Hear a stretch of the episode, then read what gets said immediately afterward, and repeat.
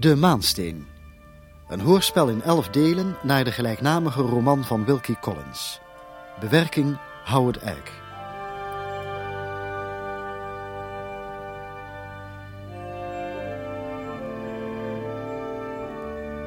Zesde deel. De drie voorspellingen.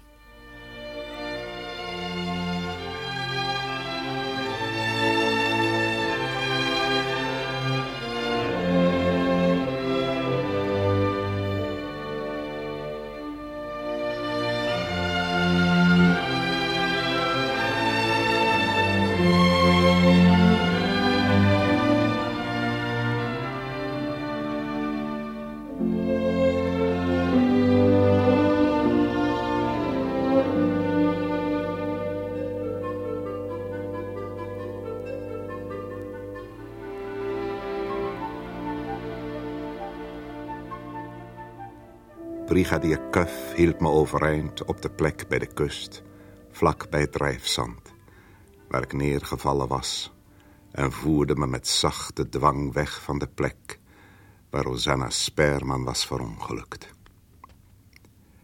Met het gebeuk van de golven in onze oren en de regen die ons in de gezichten striemde, gingen we langzaam het pad af dat over de zandheuvels naar het huis voerde. Het nieuws was ons vooruitgegaan. Het personeel was in een toestand van paniek. En er was een boodschap van mijn lady dat zij brigadier Cuff en mij ogenblikkelijk in haar zitkamer wilde ontvangen. We gingen naar haar toe. Ze ontving ons met een vastberaden blik en de spanning was duidelijk van haar gezicht af te lezen. Is dit schokkende nieuws over Rosanna Sperman waar? Ik vrees van wel, my lady. Mr. Bettridge en ik zijn juist van het drijfzand teruggekomen. Er is geen twijfel aan dat zij de dood zelf gezocht heeft.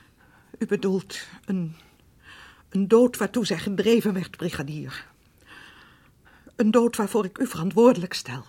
Ik ben evenmin verantwoordelijk voor deze smartelijke gebeurtenis als u. Hoe kunt u dat zeggen? Mijn succes in het tot een goed einde brengen van dit onderzoek hing er juist van af dat ik niets zou zeggen of doen wat het meisje zou alarmeren. Mr. Bettridge, daar ben ik zeker van, zal dat wel willen bevestigen. Heb ik inderdaad gehandeld zoals ik zei, Mr. Bettridge? Dat heeft u, sir. Heb ik ooit, zij het zelfs maar door een woord of een blik, Rosanna Sperman laten voelen dat ik haar van de diefstal van de diamant verdacht? Niet dat ik weet, sir. Dank u, Mr. Bettridge. O, ik beweer niet dat ik weet welke ondraaglijke angst dit arme schepsel naar haar zelfvernietiging heeft gedreven.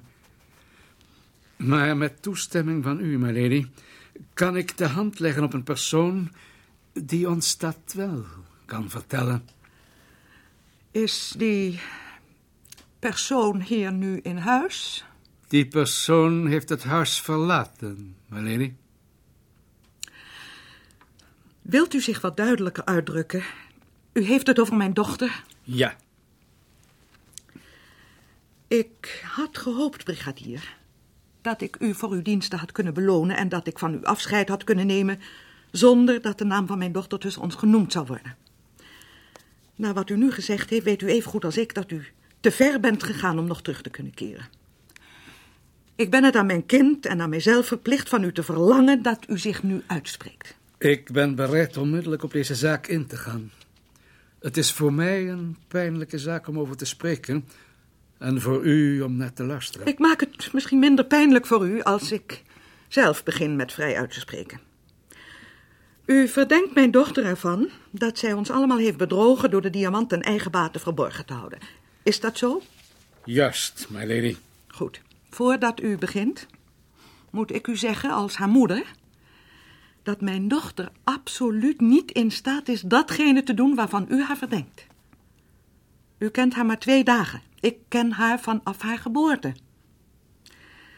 Ik heb geen privé-inlichtingen tot mijn beschikking. Zij neemt mij even minder vertrouwen als u, maar ik ken mijn kind. En ik vrees dat de omstandigheden u in deze zaak hebben misleid. Ik verzoek u, milady, om deze zaak niet alleen van u, maar ook vanuit mijn standpunt te bekijken. U mag uw standpunt onomwonden naar voren brengen, brigadier. Ik zal me niet beledigd voelen. Stelt u zich in mijn plaats, zoals ik met al mijn ervaring hier naartoe gekomen ben. Gedurende de afgelopen twintig jaar heb ik als vertrouwensman aan zaken gewerkt die voornamelijk betrekking hadden op familieschandalen. Daar twijfel ik niet aan. Laten wij nu eens nagaan hoe de gebeurtenissen in dit huis mij naar mijn ervaring deden teruggrijpen. In de eerste plaats. Miss Verlander sluit zich op in haar kamer en weigert met wie dan ook te spreken, zelfs niet met u. Als zij tenslotte toch naar buiten komt, bespeur ik drie verdachte dingen aan haar. En die zijn? Meer dan 24 uur na het verlies van de diamant is zij nog heftig geagiteerd. Ze behandelt mij, zoals ze ook inspecteur Seagrave behandeld heeft, met een onbegrijpelijke grofheid en minachting. Dat is sterk uitgedrukt, brigadier. Ik kan er geen andere woorden voor vinden, my lady. In de derde plaats voelt zij zich om de een of andere reden dodelijk beledigd door Mr. Franklin Blake. Met andere woorden, ze heeft een onbegrijpelijke wrok, juist tegen die drie personen die ieder op hun eigen manier alles in het werk hebben gesteld om de verloren diamant terug te vinden. Waarom? Als ik dat wist, dan zou ik weten wat mijn dochter bezielt. Dan ben ik nu op het punt gekomen waarop ik, zoals ik zei, gedwongen ben op mijn ervaring terug te grijpen. En die ervaring heeft mij geleerd dat het voorkomt dat jonge dames uit hogere kringen schulden gemaakt hebben, waarover zij hun naaste familieleden of vrienden geen mededeling durven te doen. Schulden, maar dat is belachelijk. Soms blijkt de modiste of de juwelier daarvan de oorzaak te zijn. Soms is het geld nodig voor andere doeleinden. Ik vraag mij af of het verlies van de diamant niet kan betekenen dat Miss Werner soortgelijke schulden heeft gemaakt. En zij Rosanna Sperman als medeplichtige had. Wie kon haar daar beter bij assisteren? Zoiets is ondenkbaar. Ik heb u al gezegd, brigadier, u kent mijn dochter niet. Vervolgens komen wij bij het inspecteren van de kleerkasten in het huis. Iedereen geeft zijn toestemming, behalve Miss Werner. Zij alleen maakte dit onderzoek onmogelijk door botweg te weigeren. U heeft kunnen horen dat ik haar vanmiddag waarschuwde dat zij door het huis te verlaten belemmerend zou kunnen werken om de diamant voor haar terug te vinden. U heeft haar antwoord daarop gehoord. Zij sloeg het portier van het rijtuig voor mijn neus dicht en reed weg. Wat hebben deze dingen te betekenen, my lady? Als Miss Verlander niet ingewijd is wat het verdwijnen van de diamant betreft, dan vraag ik u, wat betekenen die dingen dan? Laat mij toegeven dat u eerlijk uw best gedaan hebt in wat u dacht dat mijn belang was, brigadier. Ik ben dan ook bereid u nu uw honorarium te betalen en de kwestie van de diamant verder te laten rusten. Mijn honorarium, my lady, is afhankelijk van het feit of ik mijn plicht doe. Het spijt me dat ik mijn honorarium moet weigeren totdat ik die plicht vervuld heb. U bedoelt dat u erop staat? Toen ik hier kwam, heb ik beloofd het nodige licht te laten schijnen op het probleem van de vermiste diamant. Ik ben nu bereid mijn belofte te vervullen. Op welke wijze? Er bestaan twee manieren waarop ik dit onderzoek tot een succesvol einde kan brengen. Een van deze manieren beschouw ik als vanzelfsprekend. Laten we die eerst nemen. Of Miss Werner nu in Frizinghall blijft, of dat ze naar hier terugkeert. In beide gevallen stel ik mij voor haar nauwkeurig gade te laten slaan. De mensen die ze ontmoet, de bezoeken die ze aflegt en de brieven die zij schrijft of ontvangt. En dan? Ik zou u verder willen verzoeken om in de plaats van Rosanna Sperman een vrouw in dienst te nemen die gewend is aan vertrouwelijke onderzoeken zoals deze. Voor haar discretie sta ik in. Op die manier trekken wij een cirkel om de maansteen en die cirkel zal steeds kleiner en kleiner worden en ons dichter bij het doel brengen. Ik heb maar één antwoord op uw voorstel, brigadier. Ik wijs het onvoorwaardelijk af. Dan blijft alleen de andere manier over, my lady. Ik geef toe dat het een gewaagd experiment is en meer niet. Wat bedoelt u? Ik geloof dat ik mij een goed oordeel gevormd heb over het temperament van Miss Warner. Zij raakt herhaaldelijk de controle over haar gevoelens kwijt, juist op ogenblikken dat het duidelijk in haar belang is die te beheersen. Het is deze kant van haar karakter, temperament en heftigheid, die mij een kans geeft handelend op te treden. En op welke manier, als ik vragen mag? Door haar een plotselinge schok te bezorgen, die haar diep zal beroeren. Met andere woorden, ik wil haar zonder waarschuwing vooraf de dood van Rosanna Sperman mededelen. Met de kans dat zij dit zal aangrijpen om schoon schip te maken. Kunt u met dit alternatief akkoord gaan? Ja? Dank u. De ponywagen staat gereed om mij naar Frizzing Hall te brengen. Ik wens u goede nacht. Een ogenblik, brigadier. Eh, Ik stem erin toe dat er onvoorbereid een beroep wordt gedaan op het betere ik van mijn dochter, maar als haar moeder sta ik erop haar zelf aan die proef te onderwerpen. U blijft hier, ik ga zelf naar Frizzing Hall. Ik hoop niet dat u nu wilt gaan, milady. Vanzelfsprekend ga ik nu, Gabriel. Maar u zult onbeschut zijn in de ponywagen en het regent verschrikkelijk, milady. Dat is geen bezwaar, ik ga. U kunt op twee dingen rekenen, brigadier.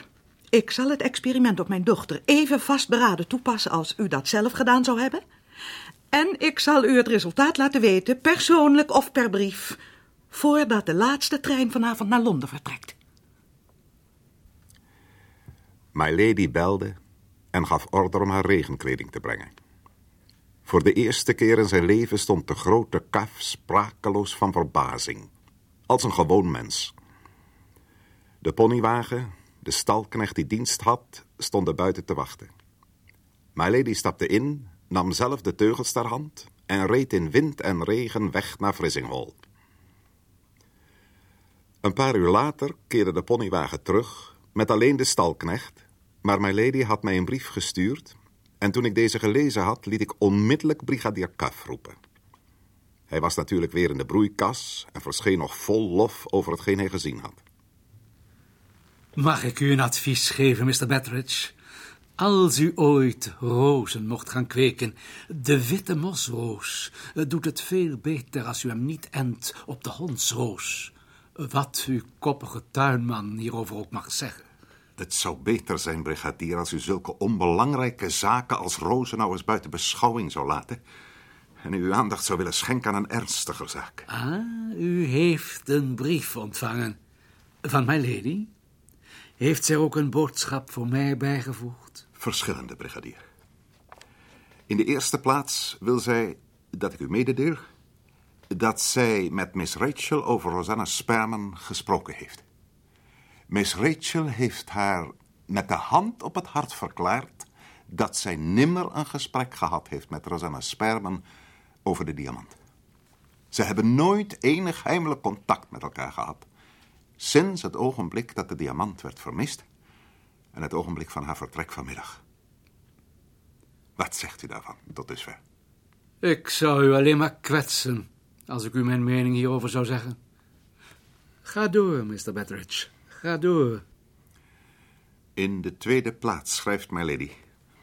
Ik heb Miss Rachel onomwonden medegedeeld aan welke lage verdenkingen zij zich blootgesteld heeft door het huis te verlaten, waarvoor ik haar van tevoren gewaarschuwd had.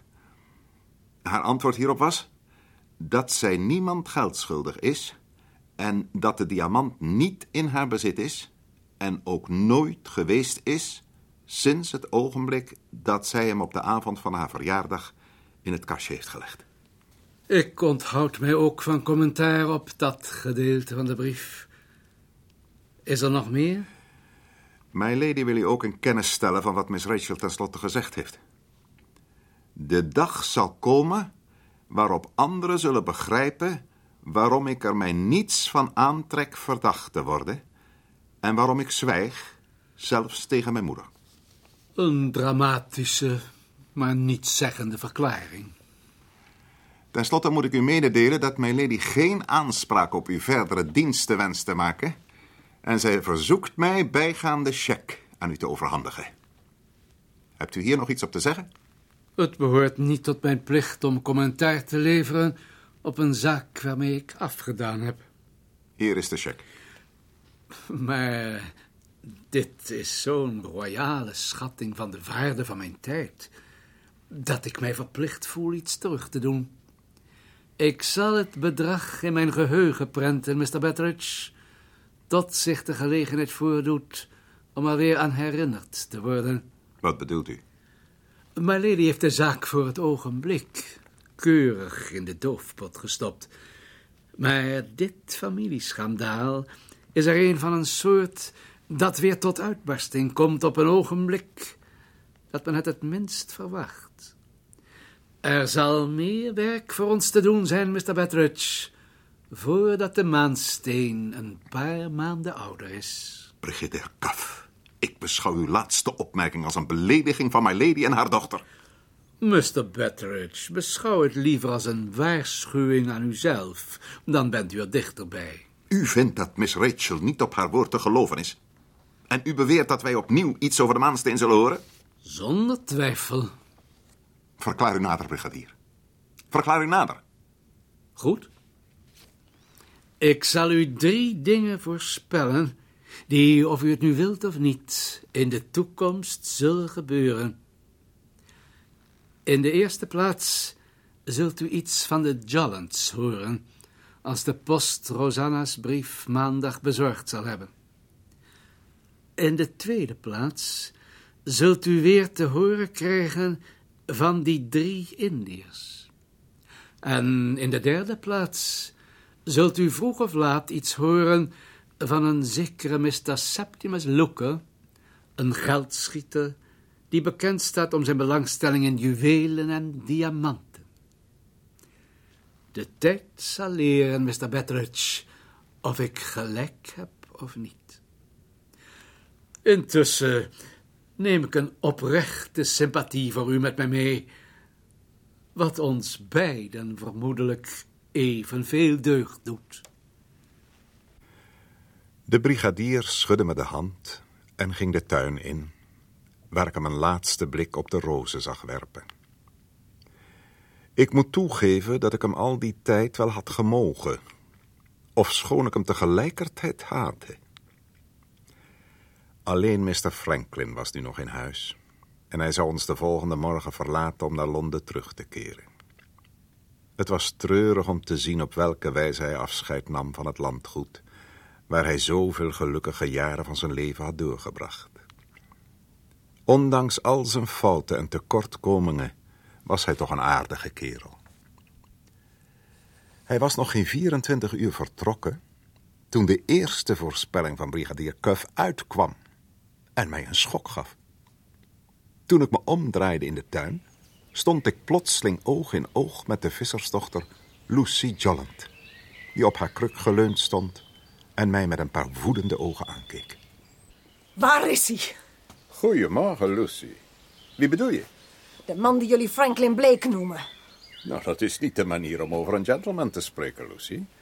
Als je wilt informeren naar de neef van my lady, zou je toch Mr. Franklin Blake moeten zeggen. Mr. Franklin Blake? Moordenaar Franklin Blake zou een betere naam voor hem zijn. Als je onzin gaat uitkramen, ben ik niet van plan om je aan te horen. U zult luisteren naar wat ik te zeggen heb. Hij is een moordenaar. Hij is een moordenaar. Hij is de oorzaak van Rosanna Sperman's dood. Je weet niet waar je het over hebt. Oh ja, dat weet ik maar al te goed. Wat kan het u schelen? Wat kan het iemand schelen? Had ze maar net zo over de mannen gedacht als ik, dan zou ze nu nog leven. Ik hield van haar. Ze heeft een ellendig leven gehad. Gemene lui hebben haar slecht behandeld en op het verkeerde pad gebracht. Maar dat heeft haar goede karakter niet bedorven. Ze was een engel. We hadden samen gelukkig kunnen zijn. Ik ben altijd vriendelijk voor Rosanna geweest. Zoveel als in mijn vermogen lag. Dat weet ik, Mr. Betteridge. Dat heeft ze nooit vergeten. Ze was altijd dankbaar voor uw vriendelijkheid. Ik had het plan opgevat om samen naar Londen te gaan. Om als naaisters ons brood te verdienen. Ik had dat geld opgespaard. Ik had de zaak geregeld met vader en moeder. We zouden het goed hebben gekregen. Maar die man kwam hier en die bedierf alles. Hij behekste haar. Je beschuldigt Mr. Franklin volkomen ten onrechte. Dat doe ik niet. Vertelt u me niet dat hij niet wist wat hij deed. Hij had het behoren te weten. Wat voor recht had hij om hier te komen met de gevoelens van een arm meisje te spelen? Er is geen enkele reden om dat te zeggen. Mr. Franklin was er zich volkomen niet van bewust welke gevoelens Rosanna voor hem koesterde. Zij betekent in het geheel niets voor. Ha, het is makkelijk om dat nu te zeggen, maar ik weet wel beter. Waar is die meneer? Over wie ik alleen maar met, met, met respect mag spreken. Je kunt hem niet spreken, Lucy. Ik zal hem spreken. Ik moet hem deze brief geven. Is dat een brief van Rosanna? Ja. Ze heeft hem geschreven en gepost op de dag waarop ze stierf. Waar is hij? Mr. Franklin Blake is gisteren naar Londen vertrokken. Geef mij die brief maar, dan zal ik hem naar hem toesturen. Ik moet hem persoonlijk overhandigen en op geen andere manier. Wil je dan dat ik hem zal schrijven wat je zegt? Zeg maar. Zeg maar dat ik hem haat. Zeg hem dat. Dan zult u hem de waarheid vertellen. Als hij de brief wil hebben, zal hij hier terug moeten komen om hem te halen. Goedemorgen, Lucy. Goedemorgen, Miss Betteridge. Je komt hier niet vaak op bezoek. Nee. En dit is ook de laatste keer. Wat is er met haar aan de hand? Ach, ze heeft een brief voor Mr. Franklin. Van Rosanna. Geschreven voordat ze stierf. Ze staat erop om die persoonlijk te overhandigen. Het is maar goed dat hij niet hier is. Ik begrijp wel wat voor soort brief dat is. Het lezen zou me alleen maar verdriet doen. Ja, dat denk ik ook. Arme Rosanna. Eh, De postbode heeft net een brief gebracht. Het is het handschrift van My Lady. Zal ik hem openmaken? Niet als die aan mij geadresseerd is, Penelope. Geef mij. Het, het kan wel zijn om ons te zeggen wanneer ze terugkomt. Nou, wat staat erin? Nou, laat me nou even rustig lezen. Ach, ze gaat naar Londen. Naar Londen? Wanneer? Morgen. Heb je ooit... Ze neemt Miss Rachel mee om de beste dochter te raadplegen. Oh, dat is heel goed. Ze wil dat jij en het andere personeel haar direct volgt. Je moet ook een aantal kledingstukken van mijn lady en Miss Rachel meenemen. Kijk, daar zit een lijstje bij. Dan is ze zeker van plan een poosje in Londen te blijven. Ja, dat schijnt zo. Ik moet hier blijven om toe te zien op het sluiten van het huis. En dan moet ik ook naar jullie toe komen. Oh, wat leuk om naar Londen te gaan. Mag ik nou het lijstje hebben, vader? Ik ga direct beginnen met het uitzoeken van de kleren. Ik wou dat ik even luchtig over ons vertrek naar Londen had kunnen denken... als Penelope en de rest van het personeel... toen ik ze de volgende dag naar het station in Frizinghall reed. Zij babbelden en giechelden of ze gingen picknicken. Penelope zei dat ze een dagboek zou bijhouden... en toen de trein wegstoomde, beloofde ze me nog dat ze me zou schrijven... en op de hoogte houden van alles wat in het Londense huis van my lady... aan het Montague Square zou gebeuren.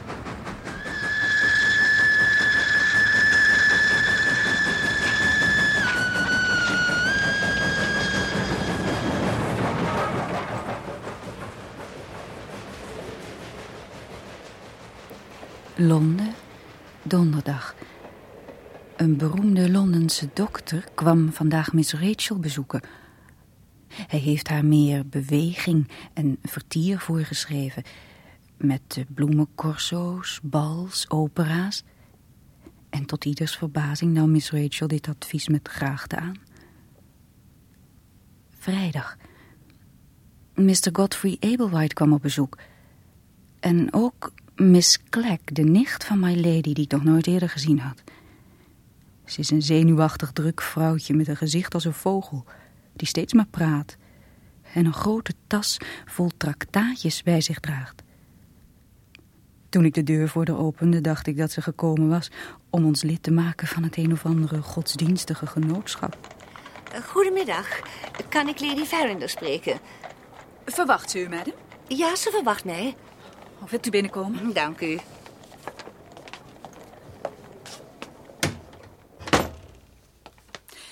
Wie kan ik zeggen dat er is, madam? Uh, Miss Klek. Miss Drusilla Klek. Oh, oh, een ogenblikje.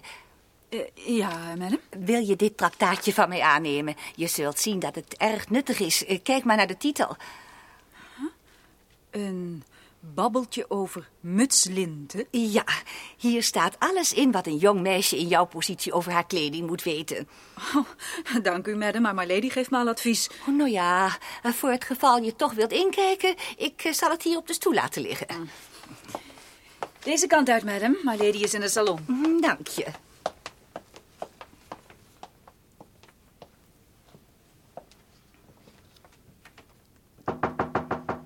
Binnen?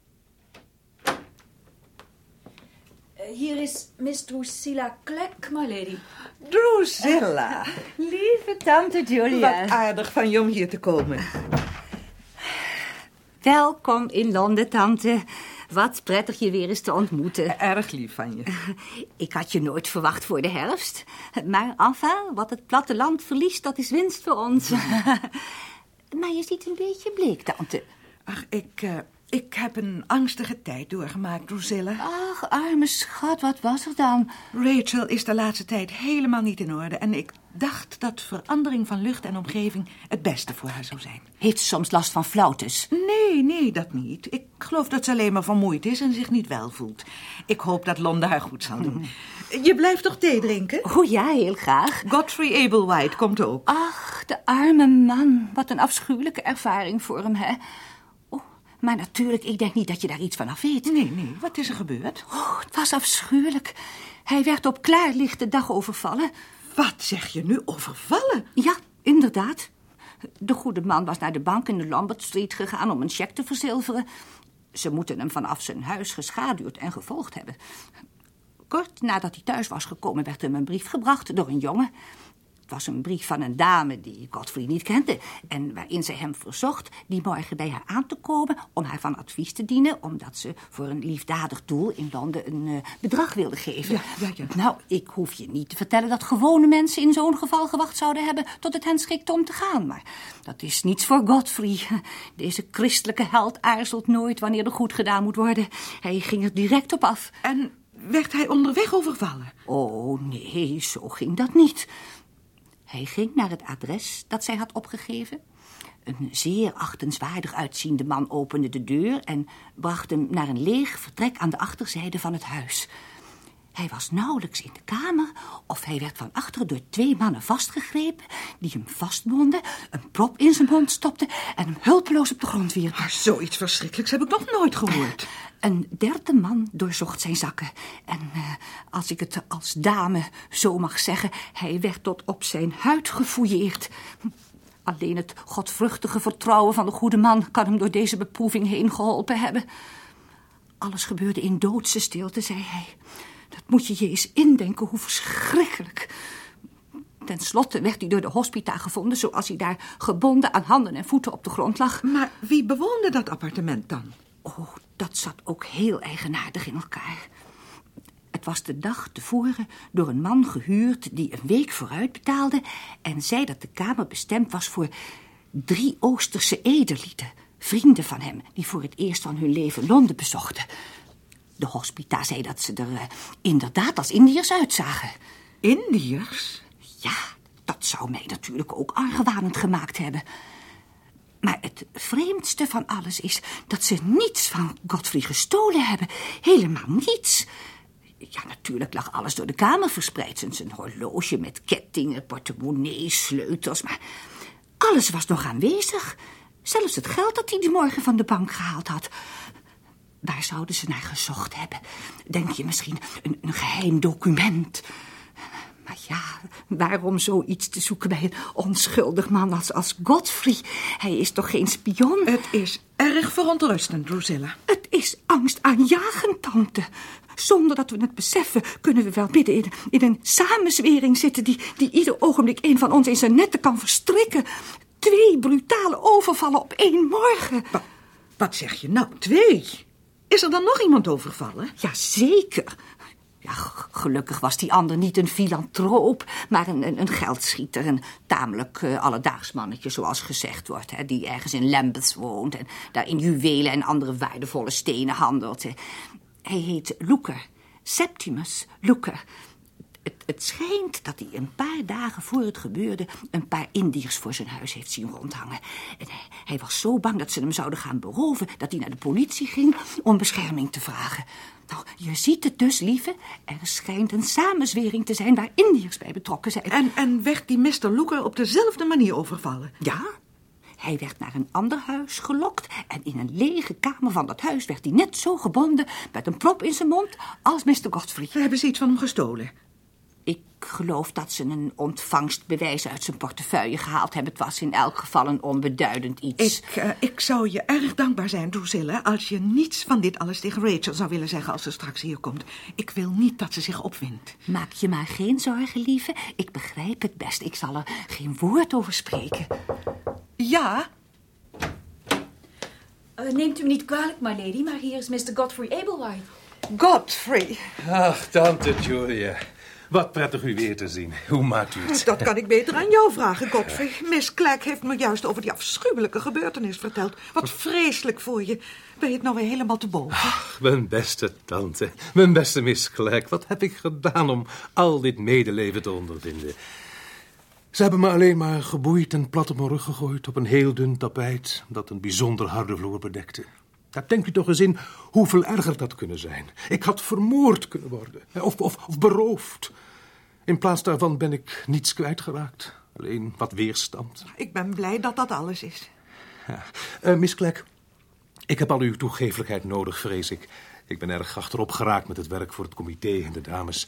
Ik hoop volgende week aanwezig te kunnen zijn bij de vergadering van het comité dat kleding inzamelt. Hoe ging het maandag met het comité? Eh, hebben we voldoende broeken ontvangen? Om u de waarheid te zeggen, Mr. Godfrey, we zijn ermee oversteld. Prachtig. Prachtig. Ach, Rachel, kindje. Miss Clack en Godfrey zijn ons komen opzoeken. Goedemiddag, Miss Clack. Lieve kind, wat zie je er charmant uit. Dank u wel voor het compliment. Eh, prettig je weer eens te zien, Godfrey. Ah, mijn beste Rachel. Het verheugt mij evenzeer je hier weer te zien. En te weten dat je een tijdje in Londen bij ons zult blijven. We moeten van de gelegenheid profiteren, hè? Ja, mama, ik heb net de krant gelezen. U ook? Eh, Nee, kind, nog niet. Eh, Het schijnt dat Godfrey en Mr. Looker de meest besproken mensen in Londen zijn. U moet eens lezen wat er, wat er met hen gebeurd is, mama. Miss Clack heeft het me zojuist verteld. Het heeft me de doodschrik op het lijf gejaagd. Mijn beste Rachel. Ik deins terug voor al die drukte en publiciteit. Er is al veel te veel gezegd over iets dat tenslotte een onbelangrijk incident was. Ik heb er genoeg van. He- Heeft de politie al iets gedaan? Oh, niets. Hebben ze nog geen spoor van die mannen die, die Indiërs kunnen ontdekken? Nee, nee, niets. Ze zijn even geheimzinnig verdwenen als ze gekomen zijn. Godfrey, ik zou graag iets over Mr. Looker willen weten. Eh, ik, ik kan je niets meer vertellen dan je in de krant hebt gelezen. Ik kwam hem die morgen toevallig tegen in de bank in de Lombard Street. We liepen tegen elkaar aan. Hij maakte zijn verontschuldigingen en liep door. Dat is alles wat ik weet. De krant zegt dat hij van een ontvangstbewijs beroofd werd. Waarvoor was dat? Voor iets waardevols dat hij die morgen naar de bank gebracht had. En wat was dat dan? Een waardevolle steen? Ik geloof van wel, ja. Natuurlijk was dat bewijs waardeloos voor de dieven, want eh, er stond op vermeld dat het voorwerp alleen persoonlijk aan Mr. Looker mocht worden afgegeven. Was, was het de maansteen?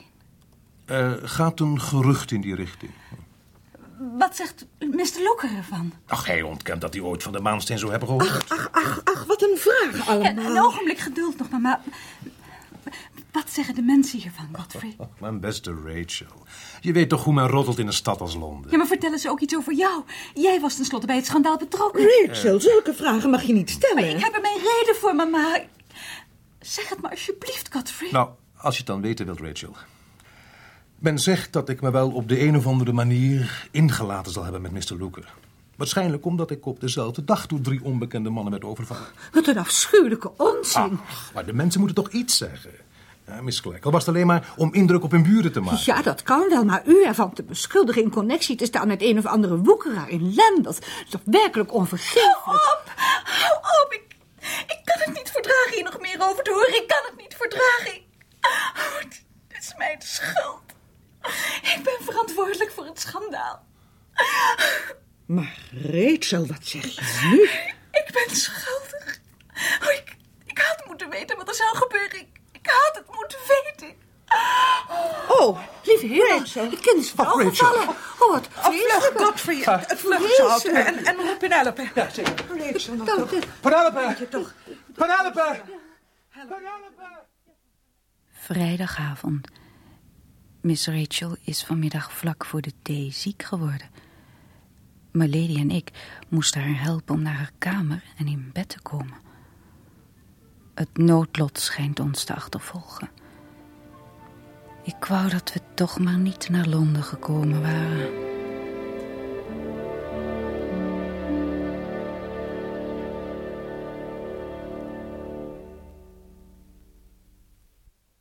De drie voorspellingen was het zesde deel van De Maansteen.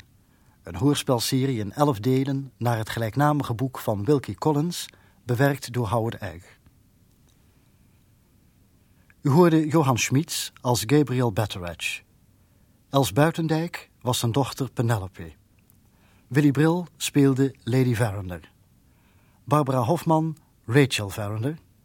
Hans Vierman Godfrey Ablewhite. Robert Sobels Brigadier Cuff. Maria Lindes Lucy Jolland en Joke van den Berg was Miss Clack. Technische verzorging Leon Dubois en Cor de Groot. De regie had Dick van Putten.